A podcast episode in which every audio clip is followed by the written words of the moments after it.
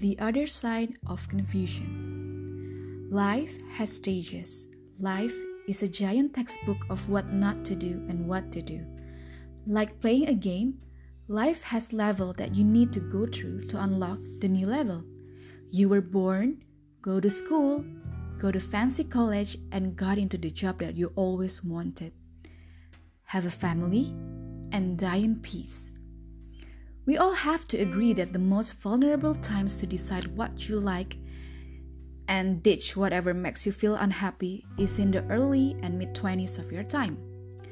Because sometimes we don't even know if it's our passion or it's just a hobby.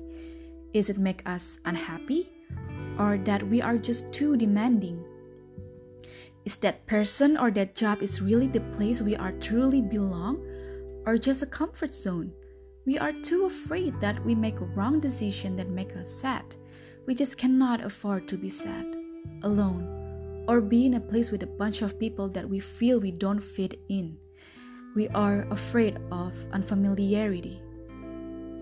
People who got strategies from the beginning of their time are most likely to succeed because they follow the textbook and stick with the protocols to achieve what they want. While most of the others figure out something along the way. Back then, I always follow rules that I built in my own head. How I will educate myself, what major will I take, what sort of career that I will build, at what age I will be married, and what type of person that I will be my spouse, and etc. I'm a plan person. I love making plans.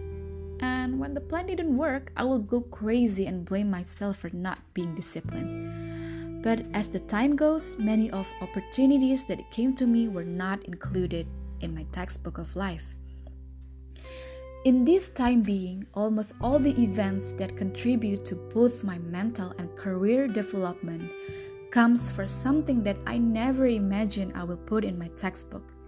In result, I have to adapt very quickly to these opportunities that I ended up being confused.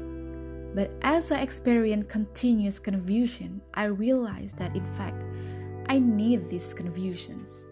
Sometimes we forget that because of confusions, we tend to think harder, got more curious about our surroundings, we seek answers, meet a bunch of people who can overcome our worries, meet another bunch of people who might be the solution, read more, look up more, and without we even realize, confusion led us towards becoming more human and less robot. Being confused means that you have choices and options that you are not stuck to one thing for the rest of your life. Being confused means you had experience in taking path that is unimaginable for you.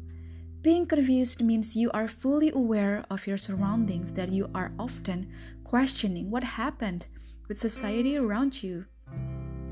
Being confused forces you to seek answers that resulted in you being more curious, well, more critical. And I personally think that confusion is one way to gain our emotional intelligence when it comes to dealing with another human being.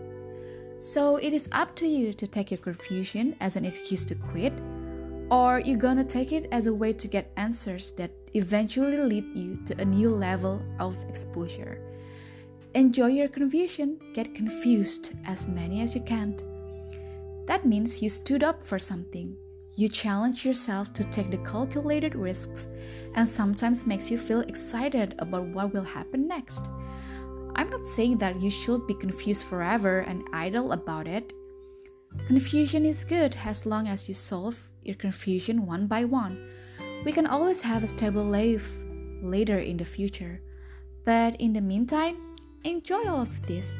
Find a partner that can take your confusion as something they are find interested in you, and likewise.